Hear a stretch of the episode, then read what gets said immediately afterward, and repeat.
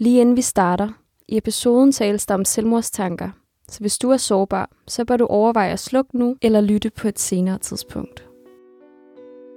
Du lytter til en original podcast, der produceres af herher.nu. Stemmer indefra tager hver måned en ny diagnose ud af lægernes journaler og giver den en stemme.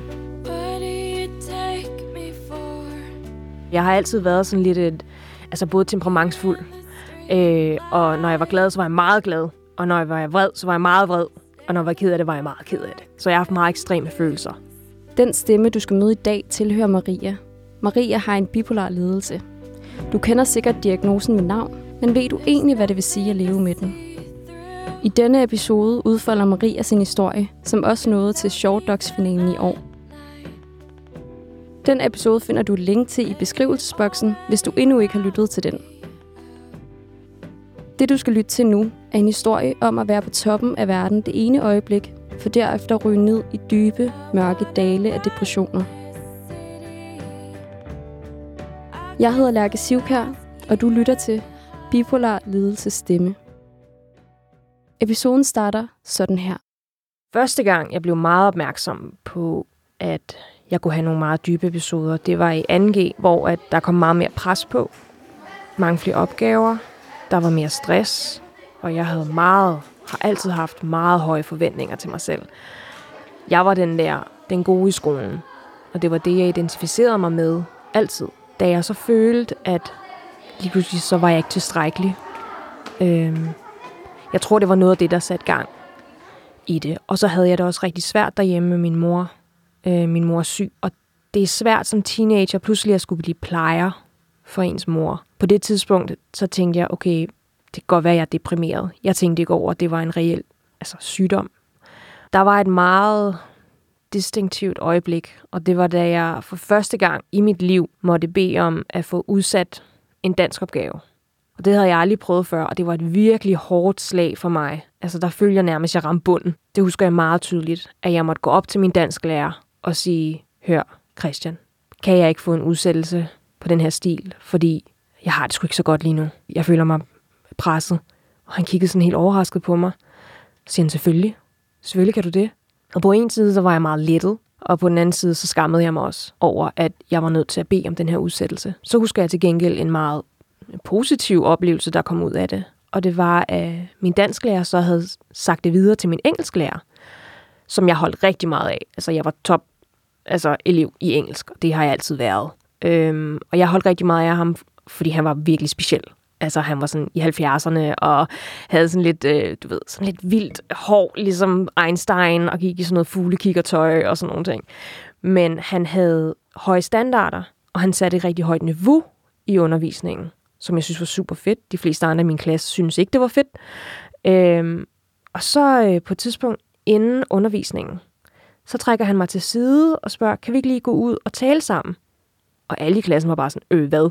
Altså, får Maria ballade nu? Altså, det giver ikke nogen mening, at alle mennesker skulle Maria få ballade. Det var meget mærkeligt. Alle undrede sig. Og jeg undrede mig også. Og så gik vi ud. Og så ser han på mig, og så siger han, øhm, at øh, han var blevet opmærksom på, at jeg havde det svært lige nu. Og han sagde, at altså, jeg ved, hvad du kan, så du skal ikke bevise noget i mine timer. Du behøver ikke aflevere opgaverne. Du behøver ikke lave lektier. Du behøver ikke deltage aktivt i undervisningen, for jeg ved, hvad du kan. Og så sagde han, her en bog, som ikke har noget med engelsk at gøre. Det var en dansk altså, bog om litteraturhistorie.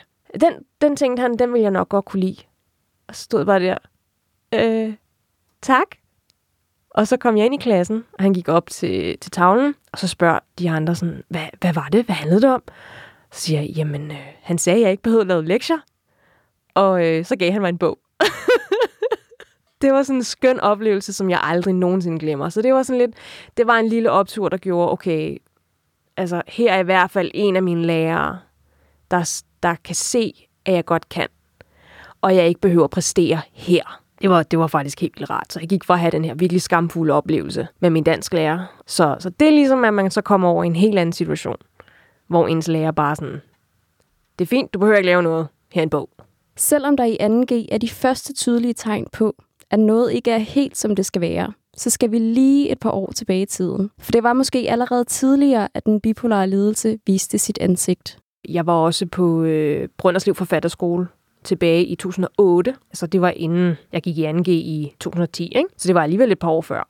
Og øh, der fik jeg virkelig en optur, for det var en uge i Nordjylland med 29 andre unge omkring min alder, der også var mega nørdede. Der skrev historier, der tegnede og var sådan de der outcasts i skolen. Der fik jeg altså et vildt high. Altså, jeg kom sådan meget højt op, øh, og jeg var meget ked af det, da jeg skulle hjem. Jeg ville bare ikke hjem, for jeg følte ligesom, jeg hørte hjemme her. Ikke? Der har været noget der allerede, at jeg er kommet meget langt op, og så gået meget langt ned bagefter. Altså, jeg var meget mere udadvendt, og, og talte med mange flere mennesker. Altså nye mennesker. Og det var ikke noget, jeg normalt gjorde. Jeg var meget sådan stille og rolig, og meget sådan, jeg har mine nærmeste venner, og så er det ligesom det, ikke? Jeg, var, jeg festede ikke, jeg drak ikke. Altså, jeg var meget sådan stille og rolig, jeg sad derhjemme og læste en bog. Og så lige pludselig, så blev jeg bare den her boblende personlighed, der kunne tale med alle, og komme med jokes, og øh, altså, det var sådan, og fik en hel masse venner, som blev en anden form for terapi for mig på en eller anden måde, ikke? Så jeg kunne komme væk hjemmefra. Jeg rejste landet rundt og besøgte venner nærmest hver weekend, for at komme væk hjemmefra, ikke? Gennem årene har Marias mor været syg. Forholdet mellem Maria og moren er anstrengt, og Maria føler sig svigtet. Så følte jeg også bare, at min mor bare lagde sig ned. Altså hun gav op. Stemningen i hjemmet er tung, og det er på ingen måde sjovt at være hjemme. Når man kom hjem fra skole, så skulle man lave kaffe til mor. Så skulle man hente cigaretter til mor. Hun var også stor ryger, det har hun været hele mit liv. Så det der med at skulle komme hjem og passe sin mor, efter man har været i skole øh, og træt, og så råber hun, Maria, kaffe! Og det er altså til at blive sindssyg af til sidst. Og så havde jeg en storesøster, der nærmest skrev sig ud af det. Og så følte jeg, at jeg skulle påtage mig alt ansvaret. Og det er altså virkelig hårdt, når man er teenager og har alt sit eget at kæmpe med. Ikke? Og når man så samtidig begynder at gå ind i, hvad der viser sig skulle være en depression, øhm, og man ikke havde den der støtte. Og øh, jeg fik meget kritik af min mor på alle måder. Jeg følte aldrig, at jeg gjorde noget godt nok. Øhm, så jeg følte hele tiden, at jeg skulle leve op til hendes forventninger, hendes anerkendelse, uden nogensinde at få den. Og det er noget, der har påvirket mig rigtig, rigtig meget. Hun er så meget manipulerende, hun er så meget kontrollerende. Hun vil have sin vilje. Og alle de attributter blev ligesom forstærket, jo længere hun lå i sengen. Fordi jo mindre man kan kontrollere, jo mere vil du have kontrol. Og det er altså kommet så vidt, at jeg efter to års øh, terapi og psykologhjælp for nogle år siden, fuldstændig bare måtte droppe kontakten med min mor. Jeg ser hende ikke. Jeg taler ikke med hende overhovedet. Men det var enormt hårdt for mig, så jeg havde brug for den her at flygte. Jeg har også en veninde, som nogle år senere fortalte mig, at hun faktisk nogle gange tikkede sin mor om, at jeg måtte komme på besøg, selvom de havde en travl weekend, fordi hun kunne mærke på mig, at jeg havde det hårdt. Da Maria starter i 3.G, gør hun ting, som ellers er helt atypiske for hende. Det kulminerer i studentertiden, hvor Maria går ind i en hypomanisk episode. Altså i 3.G gik jeg meget mere til fester. Jeg begyndte at drikke. Ikke særlig meget, men jeg begyndte at drikke og flytte lidt mere og sådan noget, og blive lidt mere sådan, ja, udadvendt også, ikke? Øh, få noget mere selvtillid og sådan. Det var noget, der byggede sig op i løbet af 3.G, og det kulminerede så der, hvor jeg blev student. Altså der ville alle jo opleve et kæmpe rush, og det gjorde jeg også.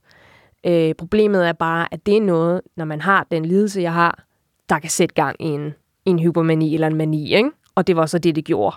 Altså, det var et klassisk eksempel på, hvordan at man ligesom fik alle de her, du ved, sådan stimulanser udefra, du ved, ikke? Og så blev man ligesom bare kastet helt derop.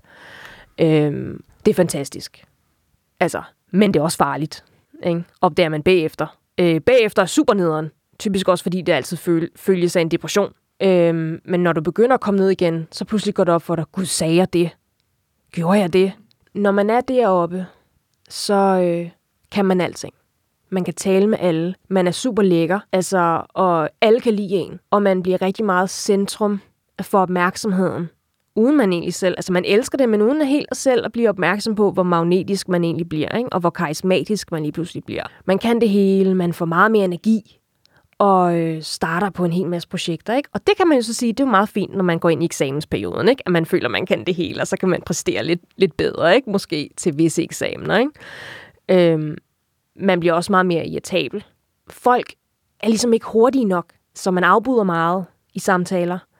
Øh, det handler meget om en selv, og hvad man selv gerne vil sige. Så det er jo for nogen, når man bliver magnetisk og karismatisk og så videre, så bliver folk ligesom tiltrukket rigtig meget af det.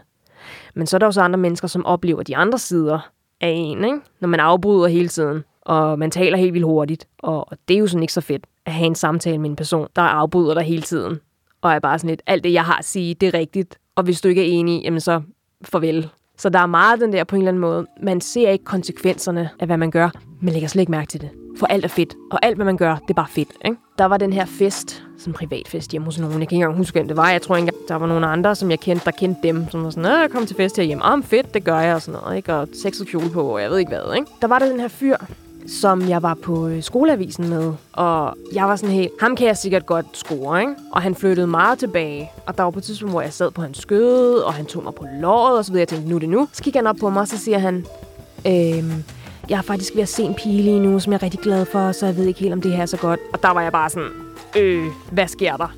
Og så hoppede jeg bare af, og så gik jeg bare ud i køkkenet, og skulle bare stå sådan lidt.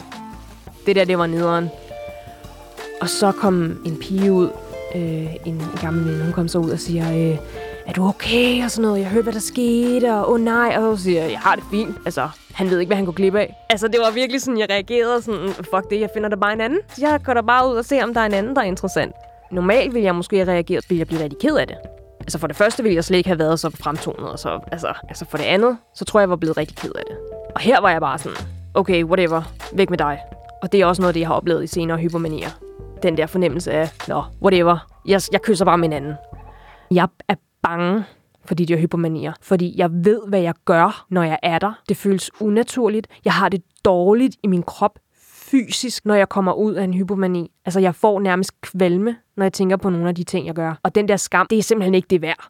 Altså, det er bare ikke det værd. Og så er det heller ikke det værd, der kommer en depression bagefter, vel? Det er, det er ikke det værd. Når Maria er oppe, flyver hun højt men Marias hypomanier følges af sorte huller af depressioner. Efter man har været helt derop i en hypomani, så begynder man at mærke, at det går nedad, når lige pludselig så, så daler ens selvtillid og ens selvværd. Øh, pludselig begynder man at tvivle rigtig meget på sig selv, og man begynder at tænke rigtig meget over, ej, hvad var det, jeg lige sagde? Altså, hvad, hvad var det? Hvorfor opførte jeg mig sådan? Man begynder at føle rigtig meget skam. Så når det begynder, det er der, hvor man, man begynder at gå nedad. Ikke? Så kommer alt skyldfølelsen, så kommer skammen, så kommer de negative tanker. Øh, og det er meget de tidlige signaler på at, gå, at for mig at gå ned i en, i en mørk periode. Ikke? Og så kommer man bare længere og længere ned. Så samtidig kommer forventningerne. Fordi når du først har været helt deroppe, så tror man, det er normen. Jeg skal være deroppe hele tiden. Og nu er jeg så langt nede, og jeg kan ikke det, jeg kan, når jeg er deroppe. Og så får man det rigtig dårligt med sig selv. For så kan man ikke leve op til, til det, selv når man er neutral. Altså når man ikke er i en fase man kan jo ikke leve op til det der. Man er jo helt nærmest gal. Ikke? Altså man kommer helt op i, i, i et niveau, hvor at man er jo syg, når man kommer derop, og man gør nogle ting, man aldrig vil gøre mod ens natur. Så når man så begynder at gå nedad igen, så får man det bare helt vildt dårligt med sig selv. Og så ruller den bare. Hvis man ikke stopper den, inden den får lov til at rulle for langt ned, så kommer man helt ned på bunden. Og så er det rigtig svært at komme op igen. Det kan tage rigtig lang tid. Typisk har mine depressioner varet mindst et år af gang. Også fordi det har været ubehandlet. Ikke? Depressionen er som et monster, der trækker Maria længere ned i dybet. Og lige så stille, så begynder den at vokse. Og lige pludselig så sidder den oppe på din ryg, hen over hovedet og hen over skuldrene, og har fuldstændig overtaget dit liv. Altså overtaget dit sind og din krop. Altså det hele er bare opslugt i det her mørke. Og lige så stille bliver det her billede bare mørkere og mørkere og mørkere, til man er helt opslugt i det der mørke. Og man ikke kan se lyset, og man kan ikke se farverne. Det er som om, der er, der, er, der er et andet væsen, der på en eller anden måde kommer ind og gør alting mørkt. Ikke? Og, og tager alt glæden, suger alt glæden ud af dig. Det er som om, den, den optager som en svamp alt, hvad der er godt. Altså, alt, hvad der giver mening i livet, det tager den fra dig. Og det er sådan, sådan en form for skygge, der ligesom lægger sig. Det er sådan den følelse, jeg har, når jeg begynder at, at gå længere og gå længere ned.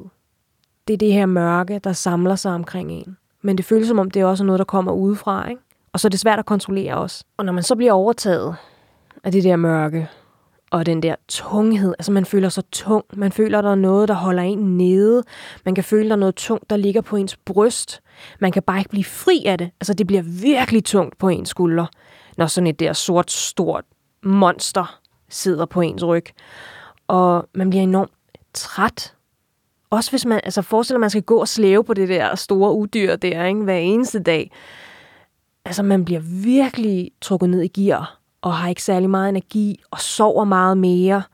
Og når du så skal ud og være omkring mennesker, og du skal sætte den her facade op, for du må jo ikke vise dem det der monster. Vel, det er jo, det er jo skamfuldt. Og man har en skyldfølelse, man føler, det er ens egen skyld. Øhm, så man skal have det her spejlbillede, ligesom, eller det her glansbillede op, og det er virkelig, virkelig hårdt. Det tager rigtig meget energi. Men når man bliver trænet i det, hvilket jeg jo gør, og hvilket de fleste gør, hvis de har virkelig lange depressioner, så bliver man trænet i at skjule det, så andre ikke kan se det. Og det er også rigtig farligt, for så kan man ikke få hjælp. Så er der ikke nogen, der ligesom prikker ind på skulderen og siger, øh, er, er du okay? Var du deprimeret på det tidspunkt? Det lagde jeg slet ikke mærke til. Det kunne jeg slet ikke mærke. Og det er fordi, man bliver professionel i at sætte facade op. Ikke? Man bliver professionel i at være syg, og det bliver, en, det bliver også en vane, og det er som om, det bliver en del af dig. Du ser det som en del af din personlighed, dig som menneske. Hvis du så begynder at komme ud af det igen, det er enormt grænseoverskridende. Fordi det er det her, man er vant til. Det er det her, man er tryg ved. Der kommer den her tryghed i depressionen, fordi det føles som om, det er det eneste, man kender. Og når man så begynder at komme ud af det igen, så er man sådan, vent, hvem er jeg? Øh, hvad er mine tanker? Hvad er mine følelser? Hvor er, hvor er jeg henne? Altså man begynder nærmest at blive angst, når man går ud af en depression, kender jeg selv. At jeg bliver sådan, det her det er ukendt territorie. Ah, måske skal jeg bare blive under dynen, fordi det er trygt, det er sikkert, det kender jeg. Og det gør det også rigtig svært, når man så skal ind i en recovery-proces, hvis man er bange for at blive rask. Men når man begynder at få det bedre, så er det rigtig nemt også bare at sige, nu skal jeg bare være på. Nu skal jeg kunne gøre alle de ting, jeg kunne før. Problemet er bare, så sætter det i gang en ny fase. Ikke? Det bliver en form for tryghed. Det bliver din, din zone. For din komfortzone er det her mørke. Det er jo bare lidt, lidt trist, hvis ens komfortzone er at have det rigtig, rigtig dårligt. Og måske endda være på selvmordets rand. Ikke? Jeg har været lidt tæt på. Øhm, men det, der altid holder mig tilbage, det er tanken om, at dem omkring mig vil blive rigtig ked af det. Altså min far vil blive knust, og jeg kan ikke bære tanken om min far er ked af det. Altså det kan jeg simpelthen ikke. Og det er især noget af det, der, der bare har været sådan, jamen jeg kan ikke. Selvom jeg rigtig, rigtig gerne vil, og selvom alt bare vil blive nemmere for mig, og, og altså det har meget været det der med, at jeg vil bare gerne forsvinde. Det der med at, at skulle altså, tage mit eget liv, hoppe ud for et tog, eller hænge mig selv, det har aldrig rigtig været, jeg har aldrig rigtig nået så langt endda, fordi det handler om, at jeg bare vil holde op med at eksistere. Jeg vil bare ligesom æbbe ud i intetheden. Bare det her med, så var der bare ikke nogen Maria mere. De dybe depressioner har gennem tiden sat gang i nogle mørke tanker hos Maria. I 2012 tager Maria på udveksling i Japan. Der blev jeg dybt, dybt deprimeret. Altså det var nok en af de værste depressioner, jeg har været i. Og der var jo ikke nogen hjælp. Altså du er i et fremmed land. Øhm, og så begynder dem omkring dig at tage afstand fra dig. For du kommer der ned og er glad og øh, udadvendt og øh, sådan meget vil ud og lave alt muligt. Og så lige pludselig, så kan du ikke noget. Og så begyndte folk ligesom at tage afstand til mig. Jeg kom til det her punkt, hvor jeg sagde til mig selv, enten så hopper du ud fra en bro, eller også så tager du hjem og starter forfra. Så dropper du ud, og så finder du på noget andet at lave. Og det mest logiske svar var jo at tage hjem. Det var ikke en nem beslutning. Især fordi, med sådan en mor, som jeg har, jeg vidste, jeg vidste, at hun ville overbevise mig om at blive. Jeg vidste, at hun ville se på mig med det der blik, det der alvidende blik, og så skulle hun nok fortælle mig, hvad der var det rigtige at gøre. Og at altså, jeg ville være øh, altså, en failure, hvis jeg tog hjem. Ikke? At jeg ligesom skulle blive ved det og færdiggøre det, jeg havde startet. Ikke? For så slemt var det jo heller ikke. Og jeg skrev også til øh, lederen for, for den afdeling, jeg var i, var på, på universitetet, forklare om situationen, og så skrev han tilbage til mig, Maria, du skal sætte dig selv først. Du skal tage hjem, og du skal tage hjem nu. Og det gav mig ligesom også en form for lettelse, for så har man ligesom fået tilladelse af ham, der sidder højst på højeste pind der. Ikke? Men det var en meget, meget hård beslutning. Netop fordi jeg altid har de her høje forventninger til mig selv. Jeg skal klare alting godt. Jeg skal være perfekt. Øh, jeg klarer mig godt i skolen, så derfor skal jeg også kunne det her. Jeg har været i Japan tre gange før det her. Det kan ikke være kulturschok. Men der tror jeg også noget af det, der holdt mig for at springe ud fra den der bro. Det var tanken om, hvor knust min kæreste ville blive. så vil han få skyldfølelse, og kunne jeg have gjort noget, og det samme med min familie. Hver gang jeg har haft selvmordstanker, eller tanker om, at jeg bare vil forsvinde, så har det været det, der holdt mig fra altså, dødens rand, så at sige. Ikke? I dag er Maria et godt sted, men de historier, Maria fortæller, fra vilde opture til voldsomme nedture, kan stadig virke som om, at de sker nu. Det er jo også, fordi det er noget, der ligger rigtig meget i mig, det her med øh, de, for, de historier, jeg fortæller nu. Det er, fordi jeg føler, at de ting stadigvæk sker for mig lige nu. Der er stadigvæk de her forventninger. Og de forventninger, jeg har fra min barndom, de ligger jo stadig i mig. Det er ikke nogen, jeg har kunne bearbejde væk endnu. Det er ikke sikkert, at jeg nogensinde kan få dem bearbejdet væk. Men fordi, især med depressionerne, der har jeg det meget i nutid. Fordi de har fyldt så meget af mit liv. Altså så meget af mit øh, sene ungdomsliv og, og mine 20'ere og så videre. Det er noget, der har virkelig overtaget rigtig meget. Så når jeg taler om mine depressioner i nutid, så er det fordi, jeg føler et eller andet sted, at, at de stadigvæk er her. At de altid er til stede på en eller anden måde. De foregår altid. Også selvom de er sket. Måske også fordi, jeg har en eller anden fornemmelse om, at det kan altid ske igen. Måske er jeg allerede i det. Hvem, hvem ved? Jeg har ikke nogen signaler endnu. Jeg har ikke nogen øh, tidlige advarselstegn endnu. Men jeg tror, det er en fornemmelse af, at det er en del af min tilværelse. Så det er noget, der sker og er i mig hele tiden. Det er, altså, der kan man sige, det er måske derfor, jeg taler meget i nutid, når jeg beskriver de her, men også fordi, når jeg så er i det, i de her faser, så er jeg virkelig i det. Ikke? Så når jeg fortæller om den, så er det som om, jeg sætter mig selv tilbage i den periode, at for at jeg overhovedet kan kunne huske, hvad der er sket, så er jeg nødt til at sætte mig ind i den periode. Jeg er nødt til at placere mig selv i min historie og i, i den situation. Altså, jeg er nødt til nærmest fysisk, øh, mentalt, at sætte mig fysisk i situationen, for at kunne huske, hvad der foregik. Ikke? I forhold til mit sygdomsforløb, har jeg netop haft mange depressioner. Jeg har haft mange længere depressioner, end jeg har haft hypomanier. Mine hypomanier var ikke særlig længe, og jeg har ikke haft særlig mange af dem. Øhm, og jeg har haft perioder, hvor jeg har været stabil.